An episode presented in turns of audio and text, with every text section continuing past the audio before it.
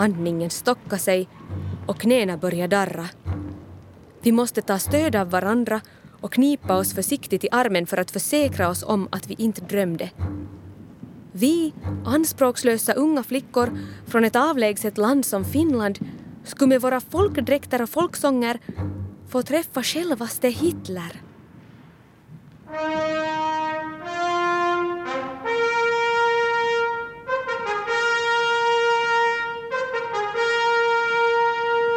Dokumenterat sänder OS i Berlin år 1936.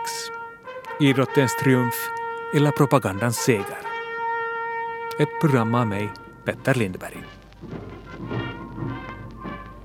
Kivakivat, herr Berlin. Just under dessa dagar är det väl knappast någon på jordklotet vars tankar inte åtminstone ett par gånger om dagen tvingas in på ordet olympiska spelen. I augusti år 1936 befinner sig Yles utsände Lars von Willebrand i Berlin för att rapportera från de i ordningen elfte sommarspelen. Det går inte att ta miste på entusiasmen. Arrangörerna verkar ha dukat upp en idrottsfest utan like.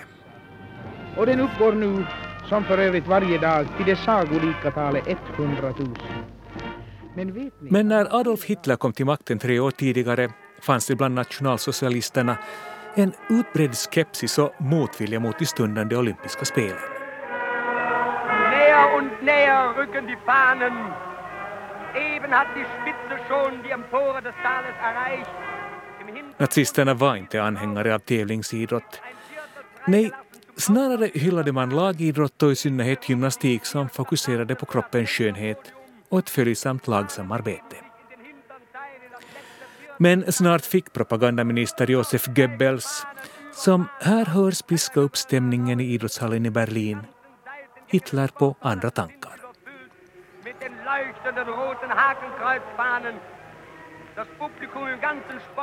De olympiska sommarspelen kunde användas för partiets egna syften för att imponera på utländska tvivlare i USA, England och Frankrike och för att befästa den egna maktpositionen i hemlandet.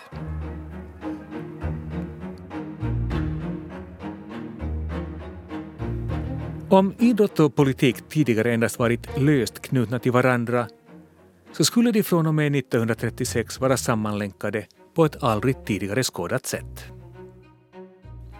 Den här dokumentären ska handla om idrott, politik och propaganda om hur de finländska deltagarna upplevde den fascistiska maktdemonstrationen. De här olympiska spelen var en trojansk häst för att föra in politik till den här världsarenan också och berätta om, om det här Nazitysklands fantastiska utveckling. Hur lyckades tyskarna med att framställa de olympiska spelen som en enda stor fredsfest? Wird dieses Fest beitragen zur freundlichen Stimmung unter den Nationen und zur Verständigung und damit zur Sache des Friedens. Men först och främst ska den här dokumentären handla om de finländska damgymnaster som sommaren 1936 skulle delta i OS i Berlin. Koko Berliini elää täydellen olympialaisten valmistelujen merkeissä. On elänyt jo kuukausimääriä, mutta tempo kiihtyy yhä kisojen lähestyessä. Berlin levde upp sommaren år 1936. När redaktören Vuokko Arni befann sig i Tyskland för att bekanta sig med förberedelserna såg hon bara framsteg och färggranna reklamaffischer. Kaikkialla Berliinissä siistitään, maalataan, rakennetaan – Istutetaan kukkia ja kaunistetaan teitä ja puistoja. Kaikkialla liikkeiden ikkunoissa ja ravintoloissa näkee värikkäitä olympialaisten mainosjulisteita. De tyska värdarna verkar verkligen ha bebenat sig. Staden hade snyggats upp. Språkkurser hade ordnats och restaurangerna hade gjort ändringar i sina menyer för att tillmötesgå utländska gästers matvanor. On pidetty kursseja poliiseille, myyjättärille, tarjoilijoille, auton kuljettajille, junailijoille ja virkailijoille vieraiden kielien opettamiseksi. Det gällde att tillfredsställa alla turister, men också de 5000 atleter som snart skulle anlända till Berlin från 52 olika länder, däribland Finland. En eh, speciell delegation utgjorde de cirka 200 finländska folkdansare och damgymnaster som i slutet av juli gjorde sig klara för sitt livs äventyr.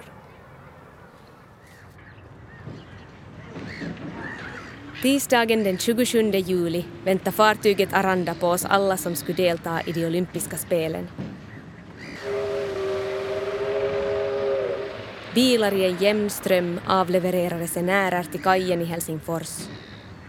Människor tog farväl av varandra och överräckte blommor och matpaket. Våra pass kontrollerades och sedan hölls namnupprop. När alla konstaterades vara på plats kunde Aranda åka iväg, allt medan anhöriga och vänner stod kvar på kajen och vinka. För allra första gången skulle finska damgymnaster delta i de olympiska sommarspelen. Vi kände alla ett stort ansvar och var övertygade om att vi skulle göra vårt allra bästa.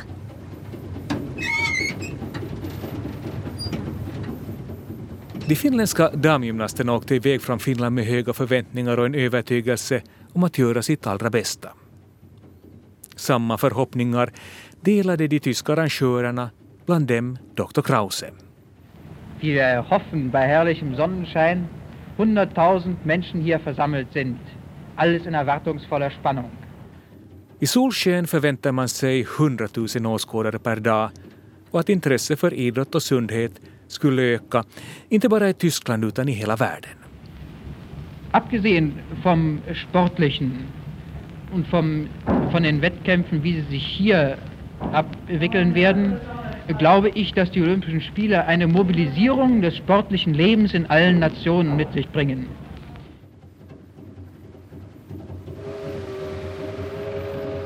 Den andra dagen var sjögången kraftig och många av oss blev sjösjuka. Den goda maten på Aranda fick stå orörd. Men de friskaste av oss höll ändå humöret uppe genom att ställa till med dans på däcket. Tänk vilken sällsam kraft en grammofon kan ha. För efter en stund kravlar sig till och med de allra sjukaste upp på däck för att ta sig en sväng om.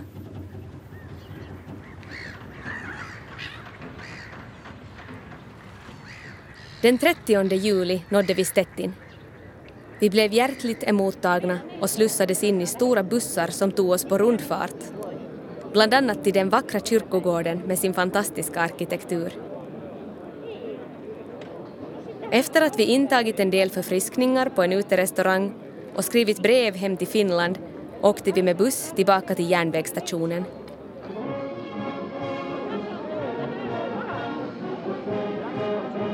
I väntsalens mjuka fåtöljer väntade vi på att tåget skulle anlända. Så artigt bemötta blev vi att till och med våra biljetter stämplades medan vi avslappnat satt kvar i våra fåtöljer. Sen följde sång och hornmusik, ända tills det var dags för oss att kliva ombord på tåget till Berlin.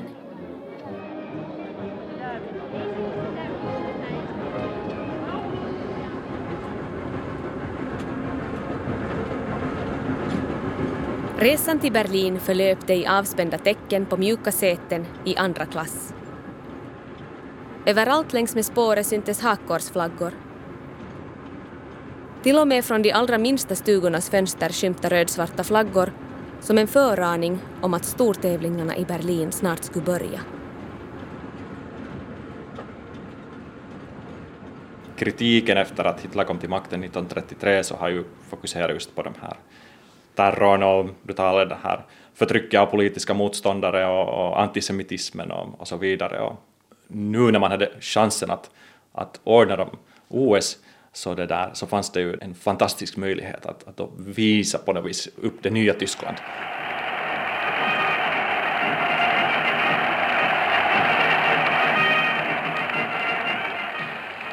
Hitler och Albert Speer hade ju den här tanken om om det nya Berlin, den här Germania, världshuvudstaden Germania, och nya Olympiastadion, så det hörde ju till den här planen till exempel. Så man hade ju faktiskt inte sparat på några pengar när man ordnade OS 36. Men man hade gjort vissa ändringar, absolut, att om man tidigare har sett och, och fanns olika sådana här skyltar att judar håller borta från, från butiker och allmänna platser, så det hade man plockat ner inför OS. Det var ett, ett, ett krav från den här internationella olympiska kommittén att Hitlers rasideologi skulle tonas ner under spelens gång. Och det här följde man, för att man, man tyckte att det var så viktigt att man kunde hålla en paus i sin rasideologi för att få hålla de här spelen. Hitler och nationalsocialisterna hade alltså gjort en del eftergifter för att behaga den internationella olympiska kommittén, säger historikern Kasper Braskén. Men samtidigt som man gömde undan de mest graverande antisemitiska tecknen så skyltade man ogenerat med hakkorsflaggor överallt på stan. Vid varje meter hängde fanor, hakkorsfanor och vid varje öppen plats en fanborg med alla deltagande nationers flaggor. Ingen behövde med avund konstatera att just hans lands flagga saknades. Varje hus var behängt med girlander och dekorationen var storartad. Haluttiin niin ehostaa kaupunkitilaa, siistiä kaikki niin Berliinin tota, niin, pienetkin rönsyt pois sieltä ja kaikki talot valkoisiksi ja, tai kerman valkoisiksi ja sitten kaikki niin kuin, rikkaruohot pois ja sitten myös niin kuin kuljettiin ihmisiä pois kaupunkitilasta, sen tyyppisiä, jotka niin kuin, ei ollut riittävän siistejä niin tämmöiseen globaaliin spektaakkeliin. Enligt forskaren och fackboksförfattaren Sami Kolamo hade arrangörerna en klar plan. Staden putsades upp och människor med osnygg uppsyn transporterades helt enkelt bort. Med ljus och flaggor förstärkte man intrycket av en gigantisk idrottsfest och särskilt tonvikt lade man dessutom på idrottsarenorna. Just nu står jag alltså i hytten på stadion. Det är mörk natt och under mina ögon utspelas en fest vars like jag aldrig skådat. Mörk natt, bländande strålkastare, en levande men kompakt massa runt om och där nere på planen de mest färgglada och vackra ceremonier. Där till vänster flammar den olympiska elden se oli organisoitu niin, että tiettyjä tiloja rajattu, kuten Pelin olympiastadion ja tämä Rice Sports Field, niin kuin se ympäröivä alue, missä oli muutakin uimastadion ja ratsastut ja muuta. Eli rajataan tilat, missä esiinnytään. Arrangörerna avgränsade medvetet de områden som man ville att turisterna skulle besöka och genom att styra människoströmmarna via uttänkta och smyckade rutter uppnådde man sitt mål, säger Sami Kolamo. Sitten organisoidaan liikkumista. Eli kaikki nämä tota, niin kuin ihmiset tulee kaupunkiin Berliiniin, juna-asemat, bussiasemat, ja sieltä kuljetaan ihmisiä tiettyjä tämmöisiä käytäviä pitkin oikeisiin paikkoihin. Eli ei me tarvitse koko Berliiniä hallita, vaan niin kuin sitä, missä ihmiset liikkuu ja tapahtumapaikat. Med en smart logistik uppnådde man många fördelar. Man kunde smidigt transportera människor från och till idrottsanläggningarna men man kunde också visa upp exakt den bild man ville ge av Berlin av det nya Tyskland, säger Kasper Braskén. De här olympiska spelen var ett sätt att berätta om, om det här Nazitysklands fantastiska utveckling och liksom verkligen visa alla kritiker att det som ni har påstått om, om Nazityskland stämmer inte. Att kom hit och se. Nu visar vi upp vår stad och vårt, vårt land och, och det, det, nya Tyskland. Så man, man lämnar inte någonting till chansen tror jag, utan man verkligen liksom planerar allt och så till att allt var polerat. Men sen vad, vad de hade för möjligheter att så att säga se bakom kulisserna, så det är ju en, en intressant fråga. Men jag tror att alla internationella gäster var nog väldigt väl omhändertagna. De hade sina byar var de skulle vara och bo och så här och eskorterades omkring, så inte, inte tror jag att det fanns hemskt mycket möjlighet heller att, att börja söka så här med en kritisk blick att vad händer här egentligen.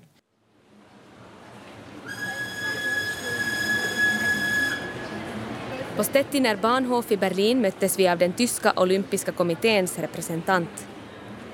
Herr Körner önskade oss hjärtligt välkomna och en kör klämde in med Taivas on sininen ja valkoinen. När de tyska flickorna sjungit klart var det dags att igen kliva in i väntande bussar. Den här gången skulle vi åka till vårt logi, Olympisches Dorf, Olympialager Elsgrund.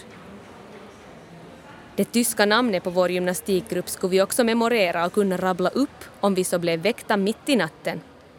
Finnische Olympia Turnvorführungsmannschaft. Efter en stund nådde vi vår boningsort, blev återigen högtidligt välkomnade av lägerkommendanten major Röpke, allt medan den finska flaggan hissades upp i lägrets flaggstång. Olemme nyt siis naisten olympialaiskylässä jonne ei yksikään mies saa astua jalallaan. Förutom de finska damgymnasterna fanns också Yles reporter Vuokko Arni på plats i Olympiabyn. Tänne odotetaan kaiken kaikkiaan 450 naisurheilijaa. 20 eri maasta. Allt som allt inväntades 450 kvinnliga atleter från 20 olika länder. På plats i Olympiabyn fanns redan representanter från Italien, Kina, USA och Finland. Italienskorna är mörkögda och livliga och fulla av skratt. Amerikanskorna stiliga och välklädda medan kineserna är bleka och timida som körsbärsblommor, rapporterar Vuokko Arni. Tästä vilahti juuri äsken ohitse kiinalainen urheilijatyttö. Hän oli hento ja kalpea kuin kirsikan kukka ja puhui kummallisen pehmeästi kujertaen. När Vuokko Arni beskriver de utländska idrottarna är de exotiska och när hon övergår att beskriva lägrets byggnader och miljö är allting stort och vackert. Nyt lähdemme katselemaan tätä, tätä suurta laitosta. Ensin kun tullaan portista sisään, joka on leveä ja valtava, näemme tiilirakennuksen, jonka keskellä on suuri neliskulmainen piha. Siinä kasvaa mäntyjä, vihreätä nurmea ja kauniita kukkia. Suuri kello talon seinämällä näyttää aikaa.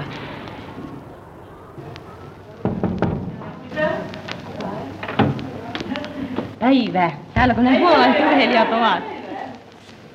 Lägret bjöd på en stor överraskning för oss alla. För något så storstilat och fantastiskt hade vi inte kunnat föreställa oss. Vi finländare hade inkvarterats i tre stora byggnader med cirka 30 personer i varje rum.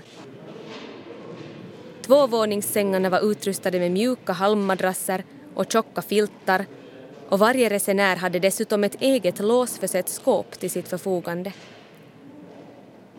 Matsalen låg i en annan byggnad och maten tillreddes av en finsk kvinna bosatt i Tyskland. Maten var god och riklig. I en angränsande byggnad fanns ett rum för klädvård. Jag vill lova att de elektriska strykjärnen var i flitigt bruk. Till råga på allt fanns det ett duschrum utrustat med tre tofflor så att man slapp stå barfota på det kalla golvet.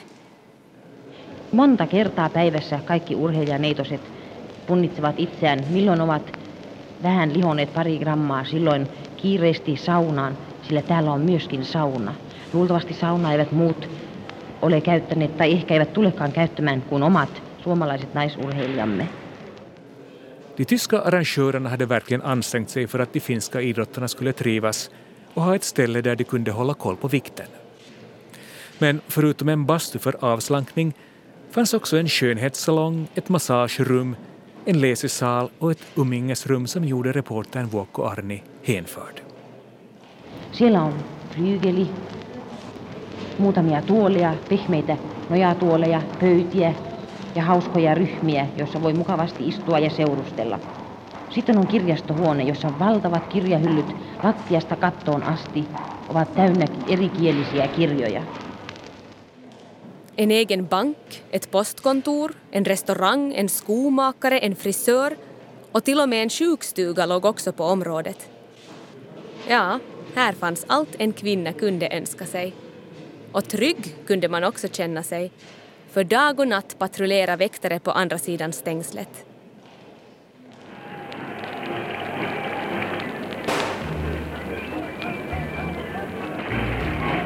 Tällä hetkellä näin edestäni olevassa käykön kaukonäkö kuvassa parhaillaan 5000 metrin toisen alkuerään.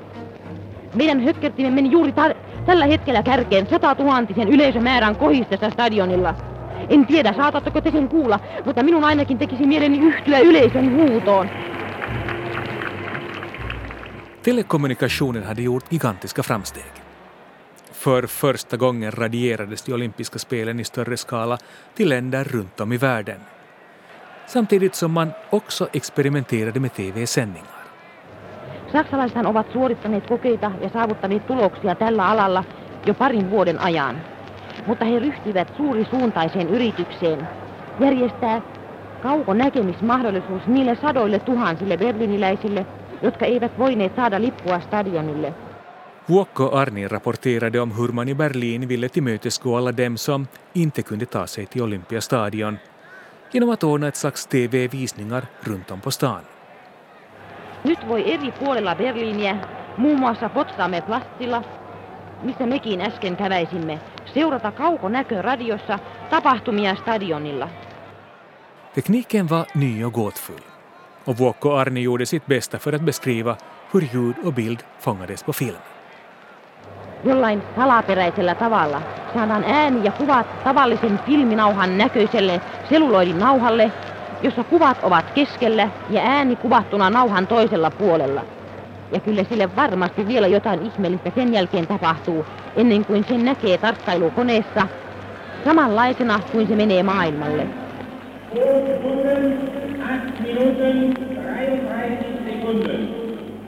Olennaista on niin nähdä se, että miten paljon ajateltiin kameratietoisesti, mediatietoisesti, joka on niin nykypäivänä hyvinkin voimakkaasti, mutta Pellinissä oli niin se propagandakoneisto, oli niin voimakkaasti käynnissä sille, että kaikki niin kuin ihmisten käyttäytyminen, paikallisten ihmisten vieraanvaraisuus ja ennen kaikkea se kaupunkitilan tuottaminen ajateltiin medianäkyvyyden kautta. I Tyskland hade man insett vilken kraft som låg i medierna. Nazityskland var ett brand som kunde säljas åt såväl gästande turister som lokalinvånare, säger Sami Kolamo. Samanaikaisesti propaganda on sisäpuolella eli Saksassa luodaan natsihegemonia kisojen avulla, mutta myös ulkopuolelle kansainväliselle yleisölle, että miten hieno maa Saksa on ja miten hieno johtaja Hitler on ja miten hieno kaupunki Berliini on. Ja se toimi. Se toimi oikeasti, todella hienosti.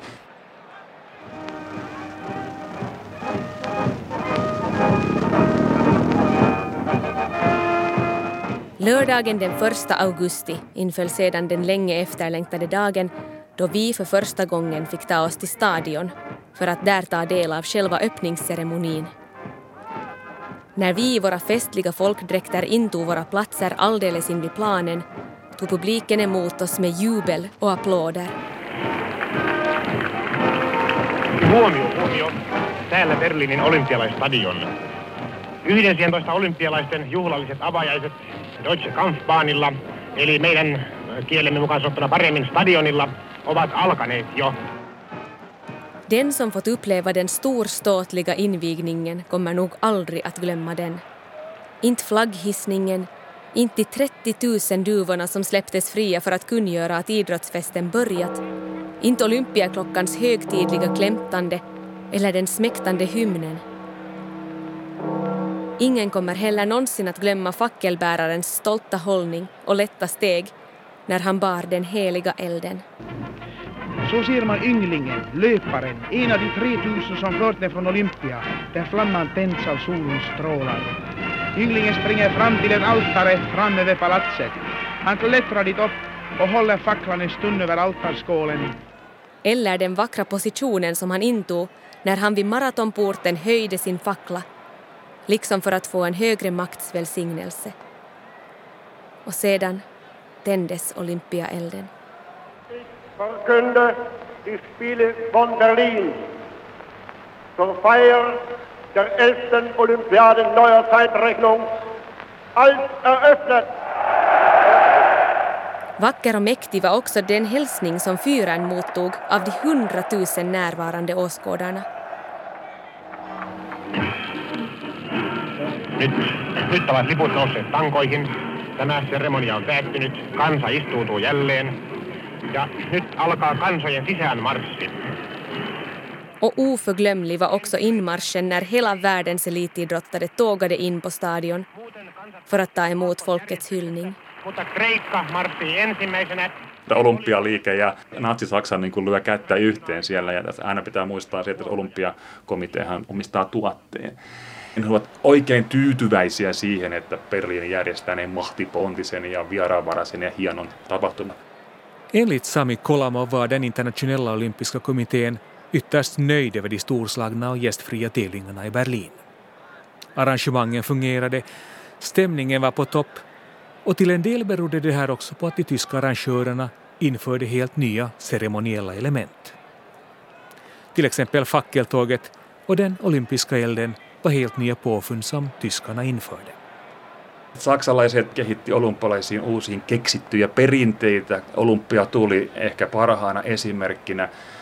Ja olympiatulen kuljettaminenhan kuvataan hienosti sitten siinä Leni Riefenstahlin olympia-elokuvassa.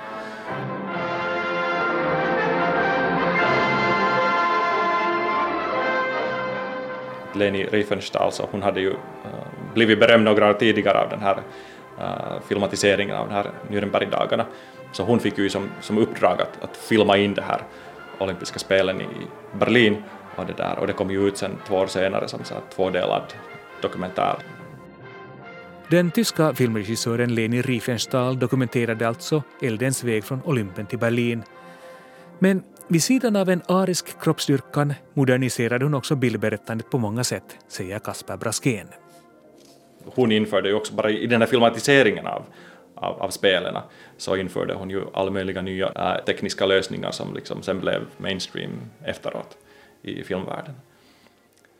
Men, men var det då så att säga nyhetens behag som, som förförde folket eller varför tror du att propagandan hade ett så stort genomslag? Ja, alltså det var ju en revolutionerande tid, 20-30-talet, just hur, hur han bygger upp den här masskulturen på ett helt annat sätt via just den här illustrerade pressen, det är då som, som biograferna kommer och man, man har det där Hollywoodfilmer och det, liksom, det, det händer massa spännande saker inom det visuella planet. Och sen får du en politisk rörelse som verkligen det här omfamnar det här visuella.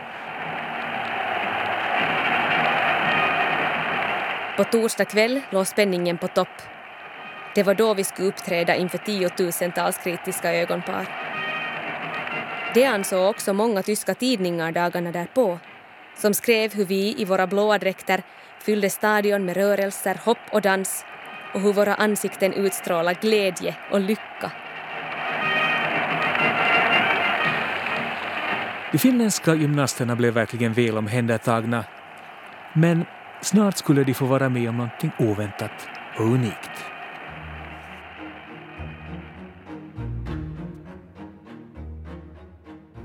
En sen kväll den 13 augusti nåddes lägret av ett alarmerande budskap. Gör er klara för uppställning genast på morgonen. Klädsel, folkdräkt. Vi hade fått en inbjudan att besöka minister Goebbels klockan 12 följande dag. Efter föreställningen var våra dräkter en smula osnygga men tillsammans lyckades vi putsa upp dem så att de följande morgon såg alldeles propra och anständiga ut.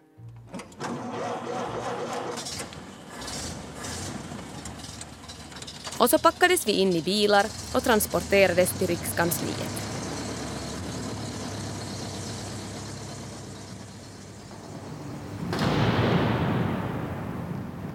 Tagna av stundens högtidliga allvar vandrar vi i tysthet över tjocka mattor genom många rum tills vi nådde en stor foajé.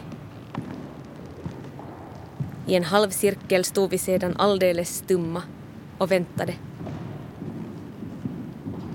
I mitten stod doktor Karina Kari med blombukett i handen medan betjänterna, journalisterna och fotograferna svärma omkring oss. Plötsligt dök en tanig liten man upp. Han hälsade på oss i tur och ordning. Var det så enkelt och otvunget? Och vi som redan hunnit ta på oss en högtidlig min och dessutom hade en hovbugning i beredskap ifall det behövdes. Och när han kom fram till mig höll han min hand länge och tittade mig intensivt i ögonen. Som om han bara ville träffa mig och memorera endast mina ansiktsdrag. Tyvärr fick min själviskhet en omedelbar törn för varje flicka bemöttes med samma grundliga intresse. Alla kände vi oss utvalda i ministerns sällskap. Sedan följde tal av doktor Kari, finska folkvisor och en allmän diskussion. Otroligt artig och intresserad föreföll Goebbels denne livlige lille man att vara. Artigheten och intresset inskränkte sig inte endast till ord, nej. Det är sant att minister Goebbels bjöd oss på opera redan samma kväll, Wagners Sigfrid på Operahuset. Och att han undrar om vi åter vill dricka kaffe med honom nästa tisdag. Och om vi nu med detsamma hade lust att träffa Fyrern. Ja, självfallet ifall Fyrern hade tid för oss. Andningen stockade sig och knäna började darra. Vi måste ta stöd av varandra och knipa oss försiktigt i armen för att försäkra oss om att vi inte drömde.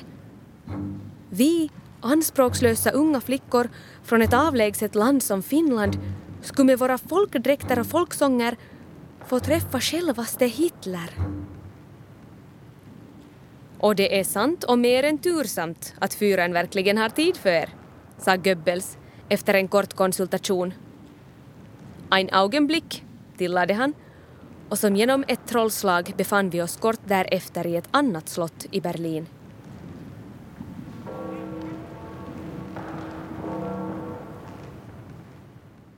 Ennen kisoja oli kritiikkiä paljon Yhdysvalloissa, Ranskassa, Briteissä, että lähteekö amerikkalaiset ollenkaan mukaan kisoihin. Lopulta sitten lähti osittain Avery Brandagesin ansiosta, joka oli natsin myönteinen tota, niin, jenkki. Niin Suomihan oli Italian jälkeen toinen maa, joka ilmoittautui mukaan kisoihin. De olympiska spelen kritiserades USA, Frankrike och England. Men de här länderna valde ändå att delta, liksom även Finland, som efter det fascistiska Italien var en av de första att meddela om sin medverkan, säger Sami Kolamo. Men man kan naturligtvis som historikern Kasper Braskén undra varför man i Finland inte övervägde en bojkott. Om man tänker hur framgångsrika Finland var under den här tiden med tanke på hur få människor som, som bodde i landet så är det ju någonting som, som vi kan bara drömma om idag. Att, att det skulle ha varit en, en svår nöd nog att, att hålla sig borta från spelen, det, det, det, förstår jag. Men inom arbetarrörelsen så var ju inte frågan alls så klar. Att det där, speciellt mera på, på vänsterkant av arbetarrörelsen också, så, så var det ju helt klart att det här, det här spelet måste bojkotteras och det där och får inte deltas i helt enkelt. Att där, där som man hemskt klart att, att om du åker dit så stöder du uh, Nazityskland. Att det fanns ingen liksom, diskussion på det viset på, på vänsterkant att, att borde man eller borde man inte, utan, utan det, det är helt klart. Men, det där. men sen mer så, vad ska vi säga, socialdemokratiska fält överlag, så där, där är man tudelad nog. Att, att å andra sidan så har man kanske ändå den här tanken om att idrotten ska kunna vara på något vis neutral eller opolitisk. Och, och kanske man övertygar sig själv om, om att, om att det är okej. Okay. Det är okej okay att resa.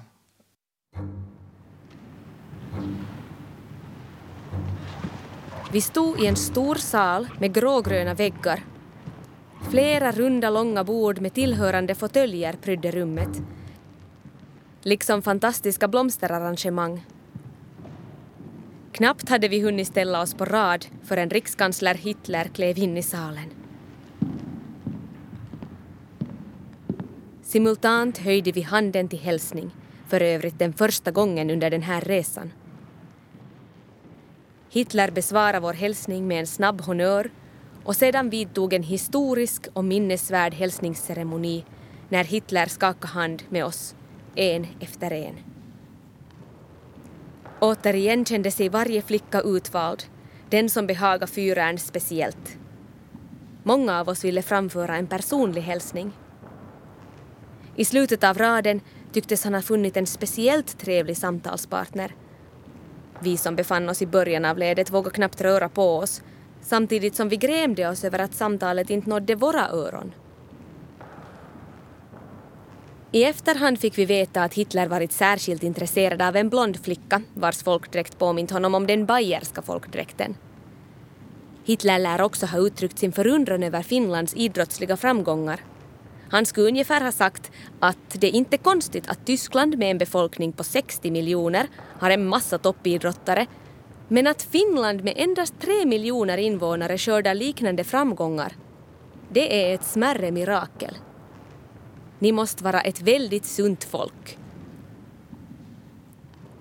Om framgångarna kan man visserligen läsa i tyska tidningar men att få höra samma sak ur Hitlers mun kändes märkligt. Med endast dessa ord erövrar han våra hjärtan.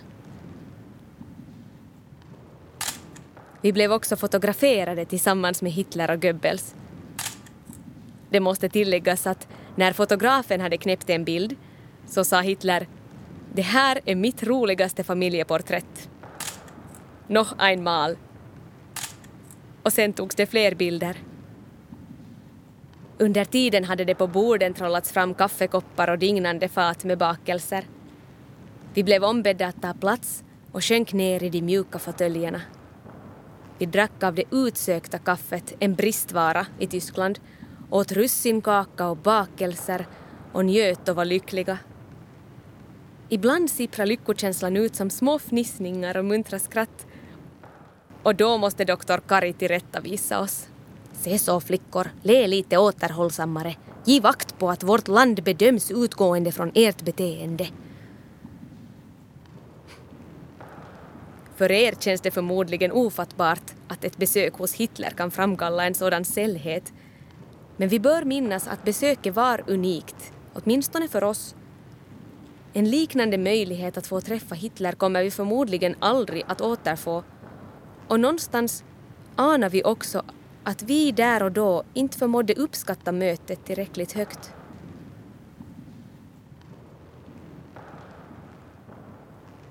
naisvoimistoiden lisäksi niin monet muutkin lähti mukaan siihen Hitlerin Saksan hypeen. Et kuitenkin eletään vasta 36, että, että paljon, paljon myöhemmin tulee, sitä, tulee niin tietoisuuteen nämä juutalaisten vainot. Blåögdhet, berusning och en oförmåga att genomskåda propaganda gjorde att många föll för Hitlers storslagna evenemang. I Tyskland hade man insett att man via bilder och känslor kunde påverka massorna och så är det ju än idag, säger Sami Kolamo. Kuvannäytöksessä maailman voimistuminen, joka oli jo Berliinissä, mutta on entistä voimakkaampi nykypäivänä, siihen satsataan siihen kuvien koosteeseen ja miten niitä pyöritetään ja kierrätetään sitten tuolla, tuolla kisa-isännän somesivuilla. Eli se, että Hitler poseeraa suomalaisten naisvoimistelijan kanssa on kovinkin tietoinen mediatemppu. Kyllä, ehdottomasti. Sitä se nimenomaan oli. Ja propagandaministeriö Saksassa oli niin huippusan viritetty, että siellä jokainen ele ja liike ja kädennosto oli mietitty, mietitty niin tarkkaa kuin olla ja voi. Det var alltså ingen tillfällighet att de finska damgymnasterna poserade tillsammans med Hitler. En makthavare behöver sin publik och den kan man i sin tur trollbinda med hjälp av bilder eller väl genomtänkta trick. På OS-arenan fanns strategiskt utplacerade små barn som Hitler kunde lyfta upp till beskådande för en jublande publik. Kun puhutaan johtajista, ne aina haluaa poseerata voittajien kanssa. Että tähän on käytetty iät ja ajat. Ja siellä Berliinin olympiastadionilla on niin laitettu pikku lapsi oikeaan kohtaan, Hitleri voi nostaa ne sitten niin syliin ja tämmöinen suunnitelmallisuus siinä, että kenen kanssa ollaan samoissa kuvissa. Makthavare är posörer som behöver en publik. Men enligt Kasper Braskén är de ofta också känsliga för kritik. Man var också jättenoggrann med att följa upp tidningsreportage i olika länder, att om, om någon skriver någonting kritiskt så var det direkt någonting som man tog tag i. Till exempel i, i nordisk press också så här, så, och, och de, de, de här tyska diplomaterna, så de följde ju med. Hur diskuterar man, hur porträtterar man Tredje riket? Och all, all kritik så tog man väldigt hårt Och om man kritiserar Hitler eller de här ledande personligheterna så, så det här var ju alltså material för en diplomatisk kris kanske det här typiska för den här diktaturen och så här för, för så här auktoritära ledare att, att de är hemskt känsliga. De är hemskt känsliga för den här kritiken. så det där, uh, och det här ser man här än. Och därför blir det också intressant hur man då använder de här spelen. Att, att nu ordnar vi de här tillställningarna. Ingen, ingen får en möjlighet att kritisera oss. Vi ordnar de här fantastiska spelen och liksom satsar så mycket pengar, pengar och resurser som möjligt på det här och faktiskt ordnar, liksom, faktiskt, som kanske bara en diktatur kan göra. vid, vid, vid olympiska spel och faktiskt då kanske motbevisa all den här kritiken. Jag tror att det här är en viktig poäng, att, att efter år liksom att det har, det har talats och det har varit liksom olika rykten och, och, och så vidare och, och, och, faktiskt nu får man chansen att alla ni som har kritiserat oss, se här, vi ordnar de här fantastiska spelen. Det är liksom, då kan vi sopa undan all kritik.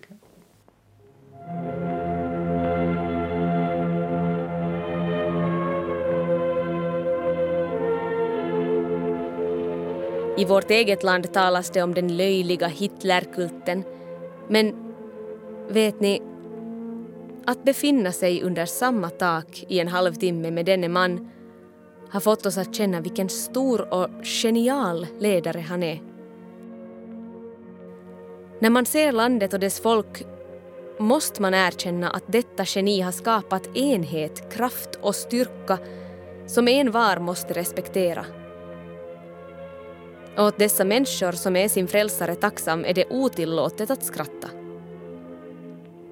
Men för att återkomma till saken, vår saga slutade i avsked. Hitler måste åka till Kiel för att ta del av roddtävlingarna och andra tjänsteuppdrag. Han gick omkring i salen och tryckte våra händer den andra historiska gången. Innan han åkte sjöng vi Mä Oksalla ylimmällä.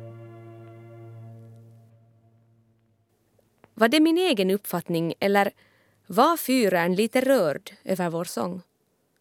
Så han också framför sig en bit av det vackra sommarfinland, dess glimmande sjöar och susande skogar. Kort därefter tog vi också farväl av minister Goebbels och åkte iväg med bilarna som reserverats åt oss. Tyvärr vaknade vi ur vår sagodröm. Men lyckligtvis märkte vi att det inte hade varit en dröm utan sant och märkligt. Och den som inte tror mig bör titta på fotografierna eller komma hit för att syna russinet, de två sockerbitarna eller servetten som undertecknad smög ner i folkdräktens vänstra ärm.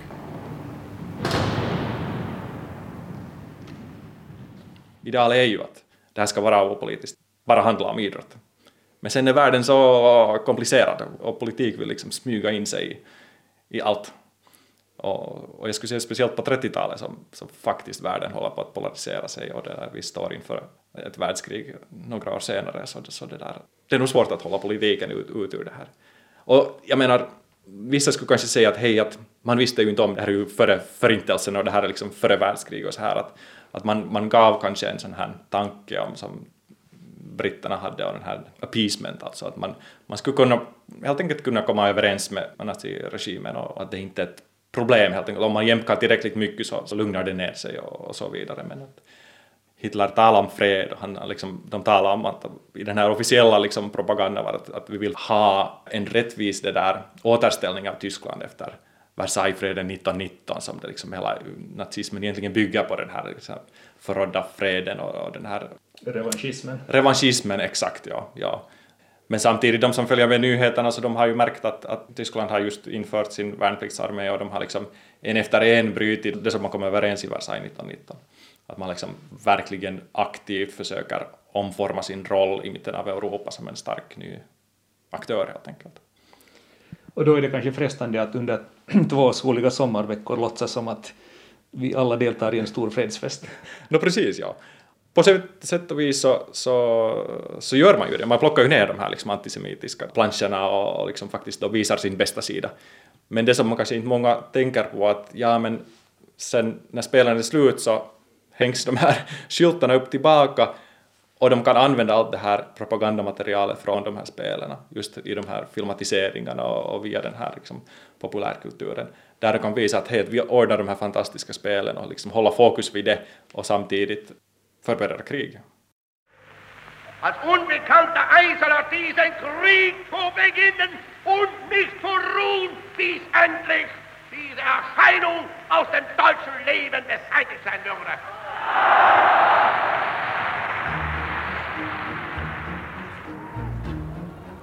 Den sista måndagen var vikt för uppköp. Alla pengar slösades. Och jag tror att vi i rena ivern köpte sånt som vi aldrig kommer att behöva men det viktigaste var ju att pengarna stannade i Tyskland och att vi kunde åka hem med välfyllda kappsäckar. Till slut var det dags att ta ett högtidligt farväl på idrottsplanen utanför vårt logi. Vi tilldelades en lagerkrans och lovade att lägga den på den tyska hjältegraven när vi väl var tillbaka i Helsingfors.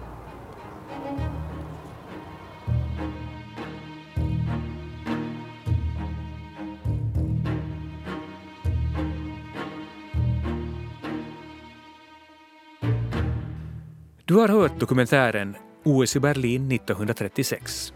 Idrottens triumf eller propagandans seger. Ett program av mig, Petter Lindberg.